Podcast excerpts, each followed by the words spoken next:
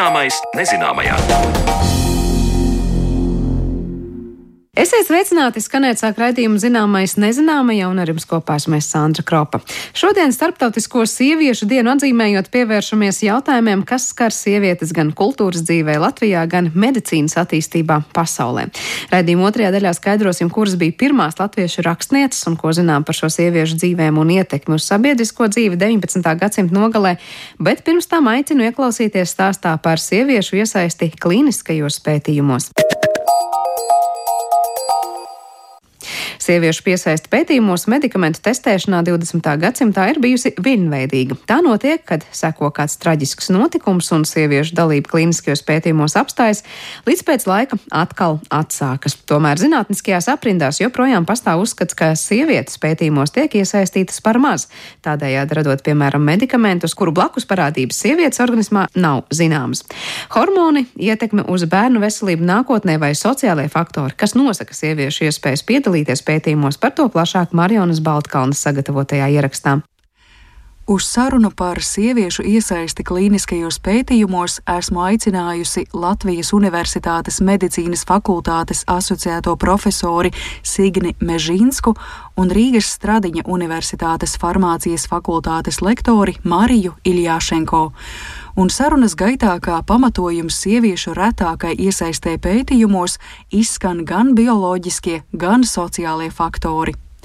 Kā pagājušajā, tā arī šajā gadsimtā liela nozīme bijusi sievietes reproduktīvajai funkcijai un iespējamai grūtniecībai, bet tam līdzās visu laiku ir gājis sociālais aspekts, proti, brīvais laiks, digitālās prasmes un citi faktori, lai sievietes vispār varētu veikt pētījuma uzdevumus bet sarunas ievadā Signe Mežinska norāda uz būtisku atskaites punktu vēsturiski, kas arī mūsdienās liek pārvērtēt, cik lielā mērā sievietes iesaistīt klīniskajos pētījumos.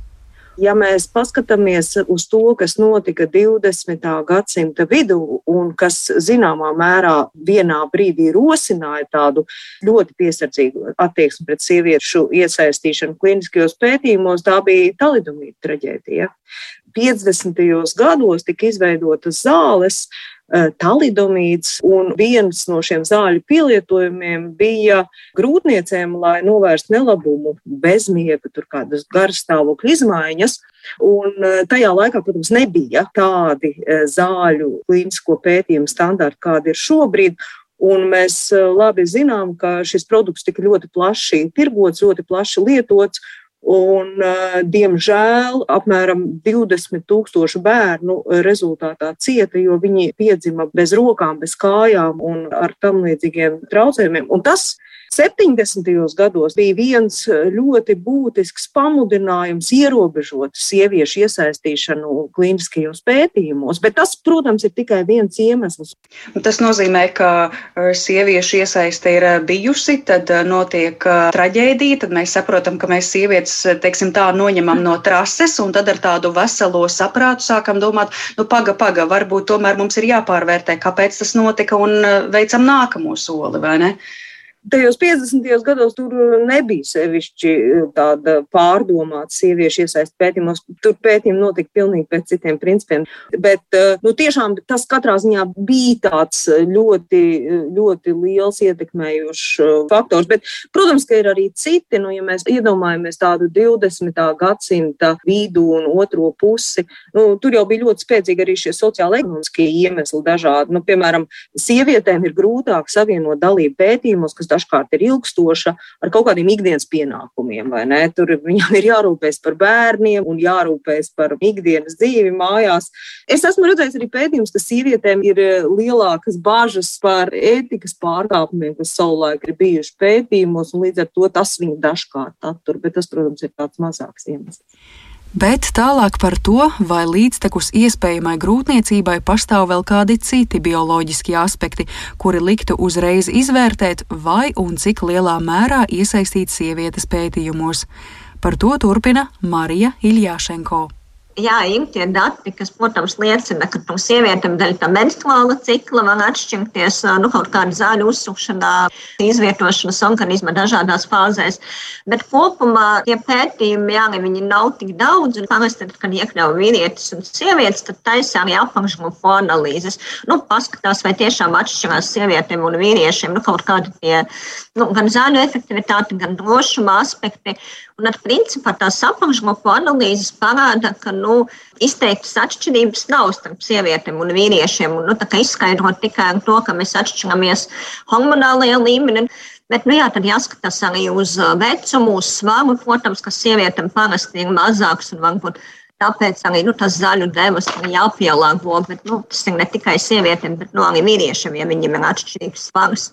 Un tad uh, atšķirās, nu, protams, asins apjoms, ūdens apjoms organismā, kas arī var ietekmēt šo zāļu izvietošanas. Bet uh, jā, tādu tā simtprocentīgu pierādījumu, ka nu, zāļu efektivitāte, izņemot par atšķirīgām molekulām, kur tas tiešām ir pierādīts, nu, nevaram mēs tā apgalvot, ka nu, mēs tik šausmīgi atšķiramies, ka nu, tiešām tagad katrai grupai un katram dzimumam jāpiemeklē tā atšķirīga terapija. Nu, droši vien es pieļauju, ka šī hormonālā atšķirība izsauc arī tālākas ietekmes uz eh, citām orgānu sistēmām. Tas varbūt ir tas atslēgas vārds. Nu, jā, par to menstruālo ciklu jā, ir dati, ka pieņemsim, nu, ovulācijas periodā tas ūdens vairāk uzkrājās šūnās, un līdz ar to arī tā zaļu izvade var būt lēnāka, bet tad atkal nu, tā fāze pāriet nākamajā, nu, varbūt mēneša laika, nu, tad kopumā tas viss arī nu, stabilizējās tik cik jūs esat sekojušas līdzi, nu, kāda šobrīd tā aina izskatās, cik lielā mērā mm, terapiju izstrādē, zāļu izstrādē sievietes tiek iekļautas, vai tur joprojām ir kaut kā vērojama tāda nu, mērena atturēšanās no sievietēm, vai arī ir tīri pozitīvi, mēs esam pavirzījušies uz priekšu. Skaidrs, ka tur ir notikušas eh, dažādas kustības. Eh, teiksim, ap 2000 gadiem ļoti tā spēcīgi nāca šī ziņa, ka sievietes tomēr ir pārāk maz iekļautas eh, klīniskajos pētījumos. Tas notika gan Amerikā, gan Eiropā. Bet tas nav tikai par sievietēm. Ļoti daudz runā par bērnu iesaisti klīniskajos pētījumos, jo nu, pediatriskās dozes mums ir ļoti nepētītas tomēr un zāļu aprakstos bieži vien nepētītas neparādās. Ar to es gribu teikt, ka tā nebija tāda izolēta kaut kāda dzimuma pārstāvniecības problēma. Tā vispār bija dažādu grupu pārstāvniecības problēma kliniskajos pētījumos.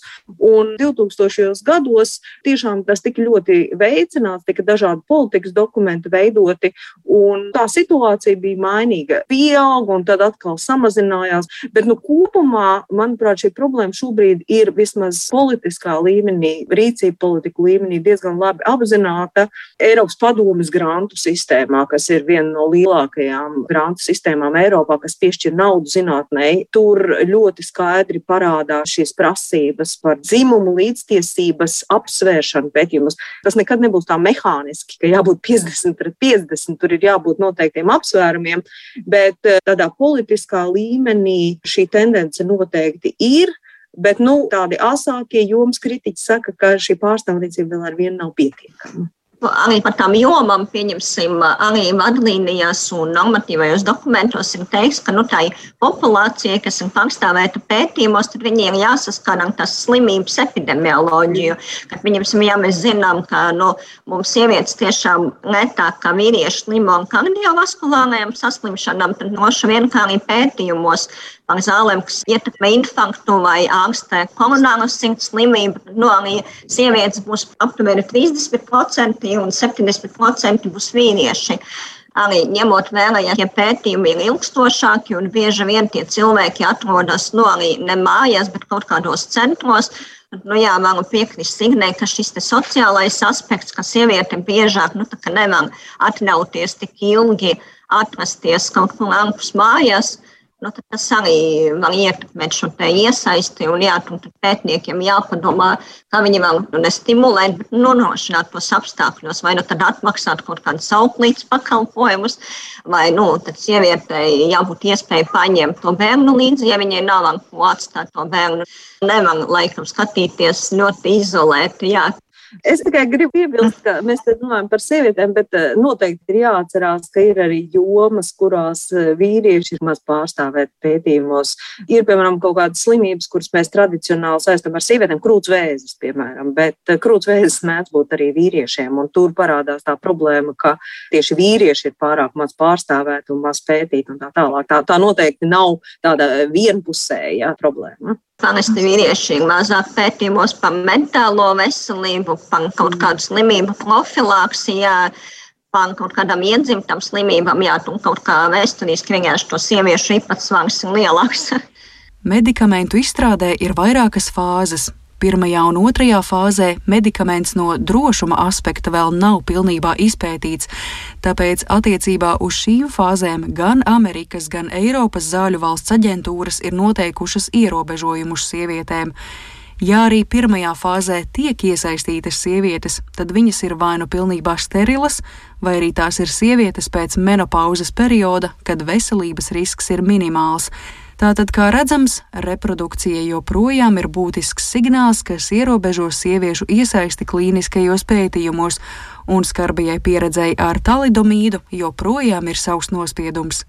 Bet, kā skaidro Signe Mežīnska, tad šobrīd lielāks uzsvars ir nevis uz sieviešu fizisko iesaistīšanu klīniskajos pētījumos, kur situācija ir mainījusies, bet saistībā ar datu analīzi, proti vai tā noteiktos aspektos ir veikta saistībā ar dzimumu. Līdz ar to iezīmējas jauni izaicinājumi - lielie dati, jeb milzīgas datu kopas, kur pazaudēt dzimumam specifisko analīzi ir diezgan viegli, kā arī mākslīgā intelekta iesaista pētījumos, jo apmācot mākslīgo intelektu ar nepārdomātiem datiem, beigās varam iegūt kļūdainu rezultātu par medikamentu blaknēm un to interpretāciju, kas ir būtiski klīniskajos pētījumos, turpina Signe Mežinska un Marija Iljāšenko. Ir pētījumi, kas rāda, ka pret sieviešu ziņojumiem par sāpēm, nu, pieņemsim, ja jautā, cik liels ir sāpes, tad pret sieviešu teikto izturs mazāk nopietni nekā pret vīriešu teikto. Nu, tas, protams, droši vien ir atkarīgs no kultūras konteksta un vēl daudz kā cita, bet tādas attieksmes un uztveres un sociālās atšķirības pastāv. Tā kopējā tendence ir tāda, ka sievietes biežāk ziņo par tām blaknēm, un varbūt sievietes arī biežāk pamana kaut kādas izmaiņas savā organismā, pat arī nu, netik būtiskas un sīkākas un nu, šis īpatsvars ir kaut kādi pāri 60% ir tieši sieviešu ziņojumi. Bet no nu, atkal, parasti, ja mums ir ziņojums par blakni par vīrieti, tad tā, tā uzreiz ir ļoti būtiska blakne un biežāk arī tieši fatālas blaknes, jo vīrieši vai nu gaida līdz pēdējiem, kamēr nenonāk slimnīcā un nu, neziņo agrāk, vai nu vispār viņam nav šī interese nu, man kaut ko ziņot. Bet nu, arī tas arī ir saistīts varbūt ne tikai ar to, ka sievietes nebija izpētītas, bet arī ar to, ka sievietes arī vairāk medikamentu lieto. Parasti, ja mēs paskatīsimies, tad nu, sievietes vienlaikus lieto vairāk zāles nekā vīrieši.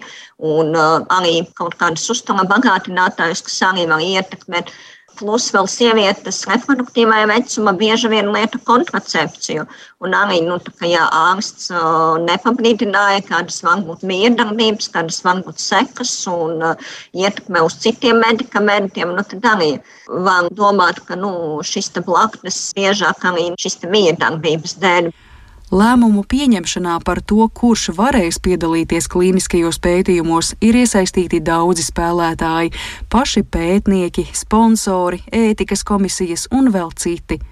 Un skaidrs ir tas, ka katrs jauns pētījumu veids un metodes vienmēr no jauna radīs pārdomas, kā konkrētajā situācijā risināt dzimuma jautājumus. Es nedomāju, ka mēs sasniegsim kaut kādu to brīdi, kad mēs teiksim, jā, nu tagad mēs esam nokārtojuši visus ar dzimumu dzimti saistītos jautājumus pētniecībā, par tiem mēs varam tālāk nedomāt. Nu, nebūs tāda brīža. Ļoti svarīgi, ka mēs apzināti domājam par šiem jautājumiem, tos analizējam un ka uzmanība tam tiek pievērsta daudz vairāk nekā agrāk un daudz detalizētāk nekā agrāk. Tik tālu par sievietēm kliniskajos pētījumos un medikamentu izstrādē, bet par sievietēm celmlauzēm Latvijas literatūrā 19. gadsimtā saruna jau pēc brīža.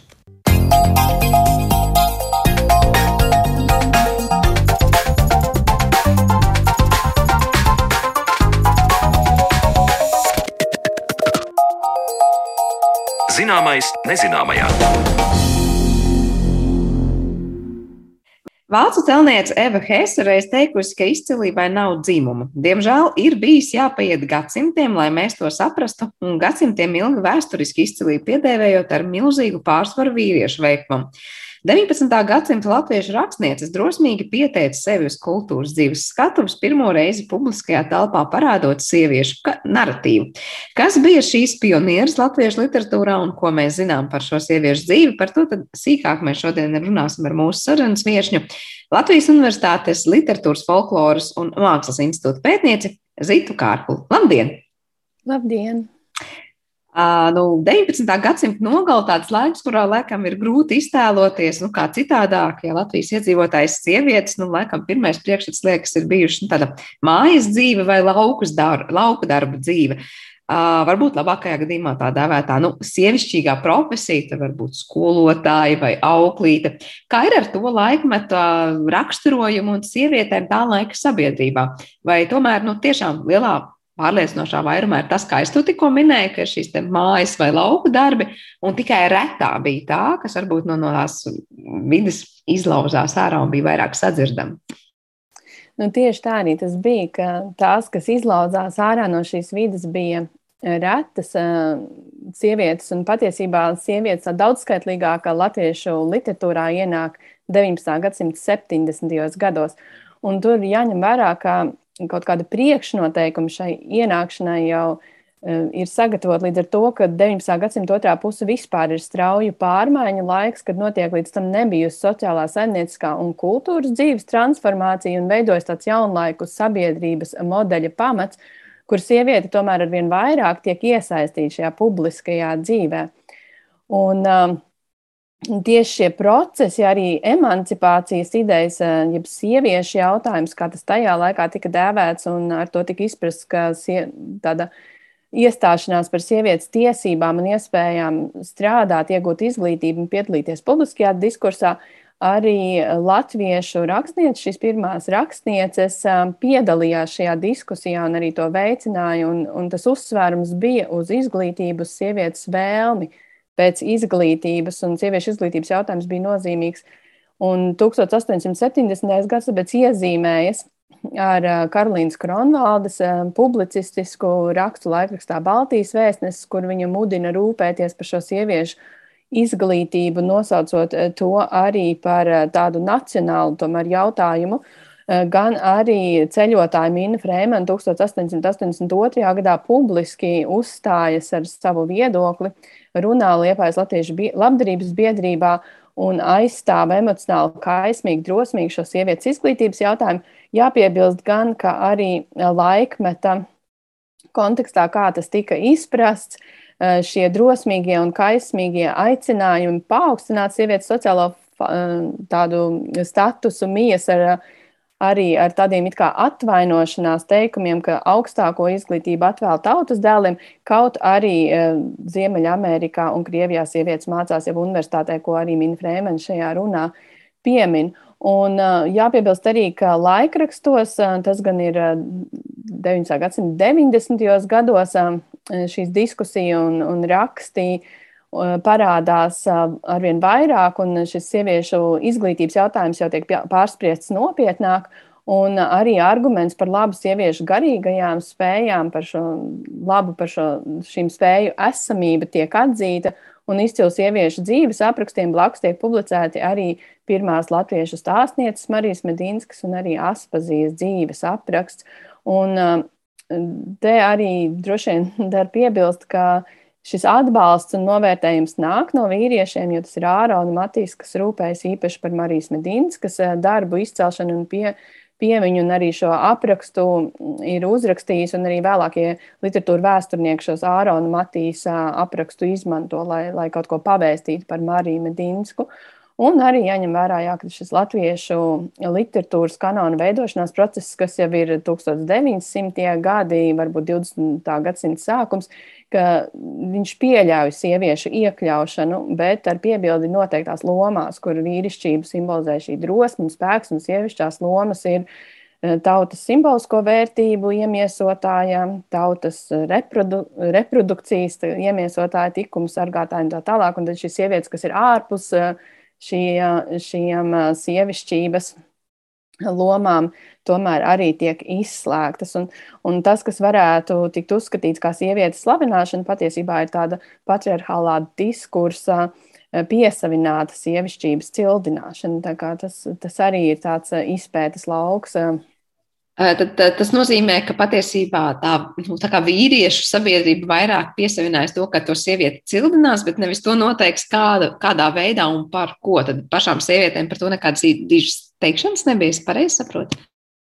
Nu, tas, kas tika izcelts un atzīts, bija tas, kas, jā, kas iederējās šajā, šajā stāstījumā, un, un tas, kas stāstījumā neiederējās, Eh, tas tika noklusēts, atmests, eh, izdzēsts, vai arī cenzūra, kā bieži darbojas, vienkārši neievērojot šo sieviešu veikumu. Kāda bija tā nezinu, sabiedrības kopumā sajūta tajā brīdī, kad parādās šādas sievietes un arī šie emancipācijas jautājumi, tā kā vairāk tiek izcelt, vai tā bija tāda masveidā atbalstoša vai drīzāk masveidā noraidoša? Cik daudz par to ir zināms? Nu, tur ir interesanti tas, ka eh, šī sabiedrības attieksme arī mainās. Ja 19. gadsimta 60. gados ziņas par to, ka kādas sievietes iegūst augstāko izglītību, tika izsmietas eh, publiskajā diskursā, presē tieši, nu, tas likās eh, kaut kas ļoti smieklīgs. Eh, tad jau tuvojoties gadsimta beigām, šī sieviešu izglītības iegūšana un sieviešu līdzdarbošanās tiek arvien vairāk akceptēta un uzskatīta arī, arī kā, kā nepieciešama. Jo, kā arī pašas sievietes to norādīja savās publiskajās runās un sacerējumos, un arī daudz vīriešu par to arī rakstīja, ka sievietes veido pusi no šī, ta, šīs tautas, un tad, ja šī puse paliek neizglītota, tad arī tautas labklājība nevar tomēr celties, jo tas tā kā bremzē viņu. Un, un interesanti, ka, manuprāt, tāds nozīmīgs arī atzīmējams fakts ir, ka, piemēram, Marija Pēkšēna, arī tas ir 1870. gads ar savu lūgu ģertrūde uzvar Rīgas Latviešu biedrības lūgu konkursā, iegūstot pirmo godalgu, un, un viņas lūga tiek ļoti augstu vērtēta. Uh, neskatoties uz, uz šīs lugas sacerētājas dzimti tajā, tajā brīdī. Un luga gan tiek cenzūras aizliegta un izrādīta tikai septiņus gadus vēlāk, bet tas ir dēļ lugā paustājām nacionālajām idejām, nevis dēļ šīs dzimtas tēlojuma. Un, un lūk, šajā Mārijas pēkšanas stāstā, manuprāt, jo vēlāk arī gan Adolfs Alunāns, gan arī citi ir minējuši, ka lūgi ir izvēcīgi uzrakstīti ar labu valodu un skatuves pazīšanu un raiti dialogi. Un Marija pēkšņi saraksta vēl divas lūgas un arī dzējoļa krājuma manuskripts, un nekas no viņas rakstītā ne, nav nekad publicēts. Tā kā, tur šis izslēgšanas princips darbojas šajā publiskajā uh, laukā, uh, kur uh, sievietes veikums arī tad, ja tas tiek atzīts un cildināts tajā brīdī, tomēr vēlāk tiek vienkārši izsvītrots. Un jau 1930. gados Pauli Jēgara Freimana kritizēja Ligotņu ēkavu literatūras vēsturi par to, ka viņš tajā vispār nav pat minējis šo Mariju Pēkšēnu, Mariju Medīnsku, pirmās rakstnieces, un ka viņam latviešu literatūras vēstures sieviešu rakstniecība sākas ar Aspaziju un Brigaderi.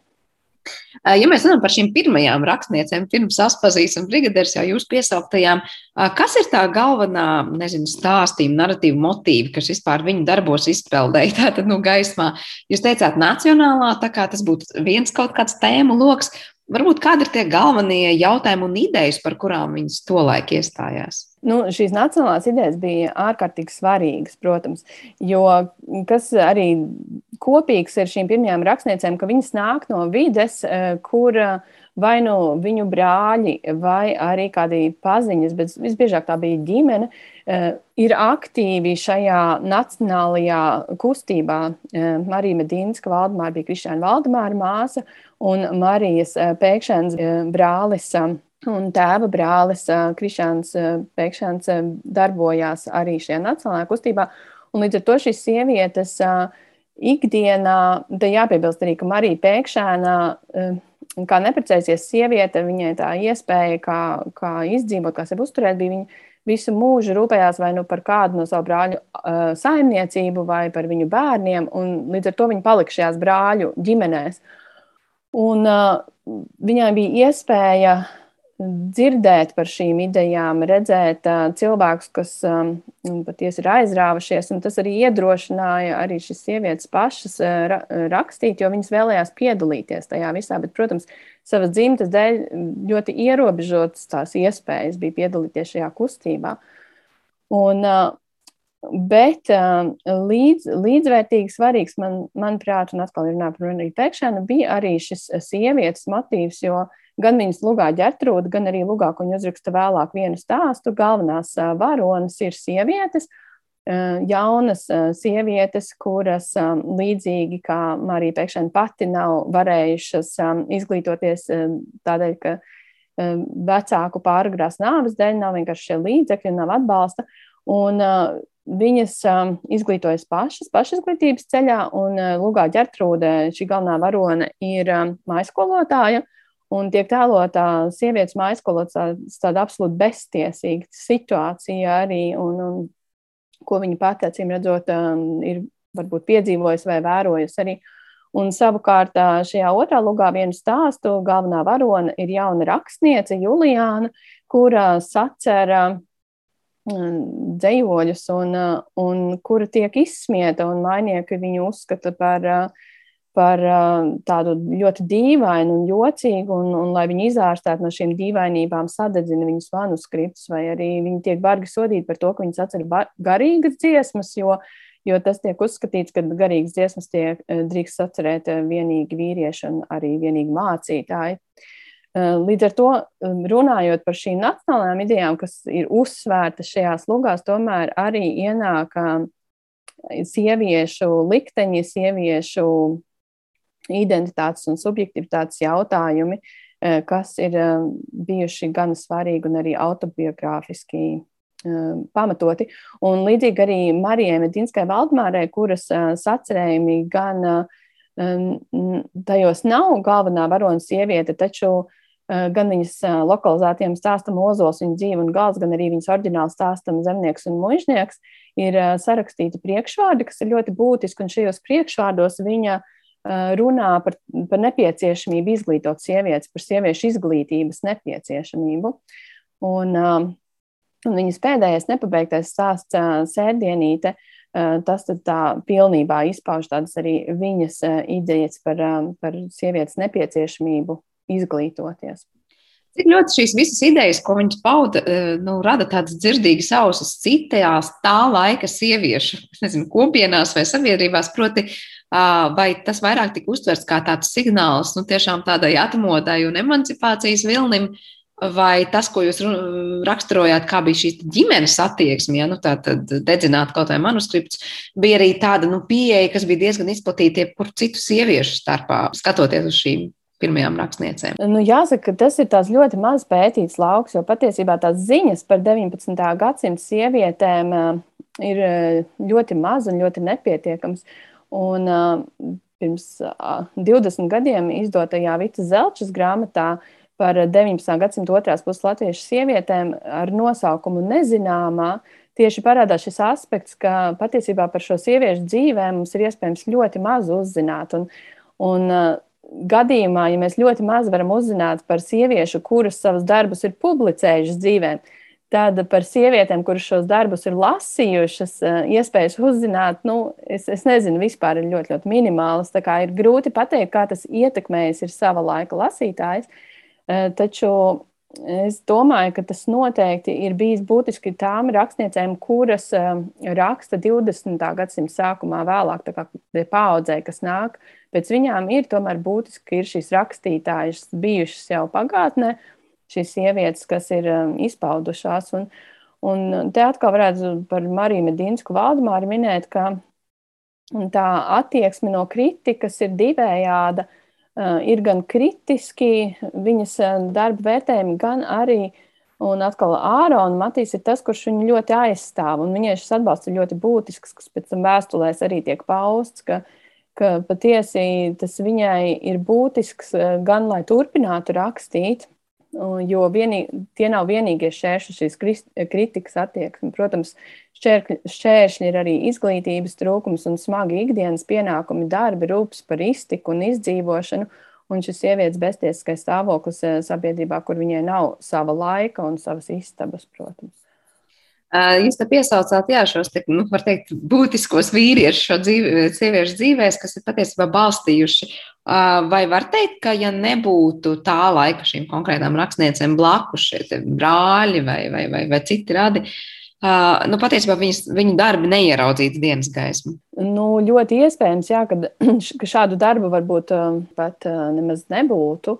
To arī varbūt ir tā, tā grūti teikt, jo uh, Tas arī ir viens no tādiem interesantiem izpētes jautājumiem, ka pētot šo sieviešu rakstniecību patiesībā tā ir iespēja tā, pārskatīt vispār, kā mēs lūkojamies un skatāmies uz rakstniecības vēsturi un domāt par to, ka iespējams sevišķi šajā agrīnajā rakstniecības vēsturē būtu jāiekļauj arī sieviešu privātie teksti, tādi kā dienas grāmatas, vēstules vai, vai tam līdzīgi. Jo īpaši senākajā laika posmā, kad sievietes pirmkārt viņam nebija iespēja iegūt šo izglītību, un līdz ar to iespējams viņam bija grūtāk rakstīt atzītās literārās formās. Ja.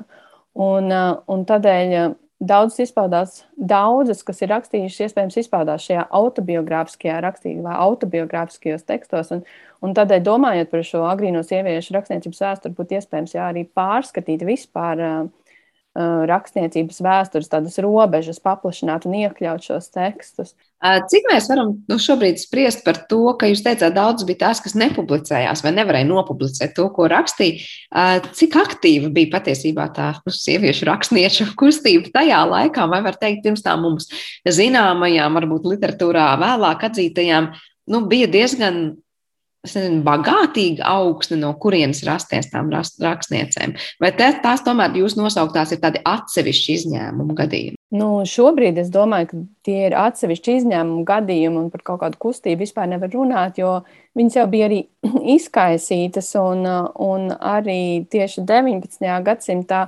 piemēram, Minna Freimane savus darbus atcera arī vismaz daļu atrodoties ārpus Latvijas, tāpat arī Marija Valdemāra Medinska savus darbus sacer dzīvojot Novgorodas guberņā brāļa muižas pārvaldīšanas darbā. Tajā laikā es nedomāju, ka viņām ir tā sajūta par to, par kaut kādu kopību. Tas tā kā vēlāk vispār var izveidoties. Un, un līdz ar to tie ir tādi atsevišķi gadījumi. Un, un kā piemērs ir, manuprāt, arī tāds spilgts ir tāda Reinausku Katrīna, kurai tiek izdots dzēju krājumiņš 1875. gadā tāds dziesmiņu kopojums, kur daži oriģināli dzējoļi. Un uh, Renaults Katrīna vispār skolā nav gājis nevienu dienu, izglītojusies pašmācības zaļā, un ļoti spēcīgi nelaimīgas mīlestības pārdzīvojumi ir rosinājuši viņu arī uzrakstīt šīs, šos dzējolīšus, kas tiek izdoti krājumiņā. Bet uh, vairāk viņa nav rakstījusi, viņa ir apprecējusies, viņai pēc tam ir piedzimuši bērni, un viņa jau ir tajā laikā pilnīgi pazudusi. Un Lilija Branta 1930. gadā mēģina meklēt ziņas par šo dziesminieci un lasot dzējiņas, redz, ka tur pieminēta ļoti daudz jūra un domā, nu, ka jāmeklē ir jūrmalā. Un aizbrauc uz Bulduru kapiem, atrod Renausku dzimtas ģimenes skapa pieminekli un caur to kaut kā arī šīs Renausku Katrīnas meitas uh, sameklē. Un, un meitu stāstījumā atklājas šīs arī latviešu dzinieces, dziesmu sacerētājas dzīves stāsts, kurā parādās, ka viņa līdz mūža beigām bijusi tāda garīgi, ļoti dzīvīga, rosīga, bet nekad vairs nav rakstījusi pēc šī pirmā dzējoļa krājuma. Un, un tad, kad viņa ir mirusi, tad meitas gribējušas kādu sludinājumu avīzēs likt, bet atcerējušās, ka tā mamma vēlējusies norobežoties kaut kā no tās sabiedriskās, publiskās dzīves. Tā kā šīs pirmās rakstnieces tie ir tādi atsevišķi tiešām gadījumi, es vairāk, vairāk tā to, to skatītos noteikti. Bet tajā brīdī, kad viņas mēģināja tomēr nu, publicēties vai kā citādi darīt zinām šos savus darbus, vai bija tā doma vienkārši, nu, lai tas paliek, kā saka, rakstīts vārds un, un, un ideja aiznest tālāk, vai tā bija vēlme uzrunāt kādu konkrētu, es nezinu, auditoriju un jautājums, kas bija viņu auditorija, vai tas izdevās vai neizdevās? Jā, nu, interesanti. Es, es domāju, ka tā auditorija sevišķi um, pirmajām rakstniecēm noteikti bija, um, kā arī Minna Freimane uzrunā tautieši, ka um, tas mērķis um, bija tos tautiešus kaut kādā veidā izglītot, paplašināt viņu redzes loku. Un ne tikai ar ceļojuma aprakstiem par svešām zemēm, bet, uh, bet arī stāstot um, kaut vai tajos um, pašos pie, jau pieminētajos Medinsku Marijas grāmatu ievados, ka viņa uz, uzskatīja, un tur var tā just, ka, ka ļoti svarīgs tas pienākums ir izglītot un apgaismot, kas vispār jau literatūrai tajā laikā ir ļoti raksturīgi, un, un līdz ar to viņas iekļāvās šajā, šajā kustībā, un tas viņām bija nozīmīgi. Ja mēs runājam par šiem ceļojuma aprakstiem, kas, kas tās par vietām, vai kas tās vairāk vai mazāk par nu, lietām, par kurām konkrēti tika runāts? Ja tie ir Minnas Freimanas ceļojuma apraksti, tie ir presē publicēti jau sākot no 19. gadsimta 70. gadiem. Viņa sākumā strādā kā mājskolotāja Krievu pulkveža ģimenē un apceļo Kaukāzu. Un viņa, ņemot vērā, ka tajos laikos tas, kā cilvēki varēja uzzināt par šīm sešām zemēm, bija lasot šo ceļojuma aprakstus, tādēļ Viņai bija tāda tā misijas apziņa mm, tautiešiem pastāstīt par to, ko viņa pati ir redzējusi. Viņa kaut kā apzinās, ka viņa ir privileģētā pozīcijā, ka viņai ir iespēja redzēt, un izzināt un, un jautāt, un, un ka viņa mm, ar šīm iegūtajām zināšanām arī var kādu labumu savai tēvijai dot, kas ir ļoti, ļoti būtiski viņai. Un tāpat viņa ceļo arī uz Rietumu Eiropu, apceļo Rietumu Eiropu, uh, apmeklē muzejus, arī mēģina kādas ziņas no dažādu valstu un pilsētu vēstures iekļaut savos ceļojuma aprakstos. Un viņi dodas arī uz Ēģipti, kas izraisa ļoti interes, lielu interesi, protams, sabiedrībā, tur arī tur viņa iekļaut ceļojuma aprakstos, nu, visneiedomājamāko informāciju, un tie apraksti patiesībā ir starp fantāziju un, un tādu reālu notikumu atstāstu. Tur pat grūti atšķirt ka, kas ir eh, patiesība un kas ir viņas izdoma, jo viņai bija ļoti bagāta fantāzija arī, protams. Un tad ir Piliņa Katrīnas ceļojuma apraksti, kas ir tieši interesanti ar to, ka ir šis ceļojums uz Āziju, no Odesas uz Ladivostoku, kas arī ir pietiekami eksotiskas un tālas teritorijas, uh, lai šo sievietes rakstīto uh, turpinājumos publicētu pat divos dažādos laikrakstos. Jā, nu izklausās, ka tie ceļojuma apraksti varbūt bija tā laika sabiedrībai, bet varbūt tādi, nu, nezinu, aktuālāki vai tuvāki nekā vēlme uzklausīt tās idejas, par kurām mēģināja skaļi runāt tā laika sievietes attiecībā uz savu stāvokli sabiedrībā un iespējām. Bet es gribēju vēl jautāt, kur ir tie galvenie izpētes jautājumi, kas, nu, pētniekus šobrīd interesē pētot šo, nu, pirmo rakstnieku darbus un viņu dzīves gājumu? Nu, es varbūt varētu atbildēt tikai par sevi. Ka manā pētījumā, tas ir mans pēcdoktorantūras pētījums eh, ķermeņa geogrāfijas eh, sieviešu rakstniecības vēsture, un es koncentrējos uz eh, konkrētu aspektu, uz sievietes ķermeni, kā tas parādās tekstos un ko, ko ir iespējams ar to uzzināt.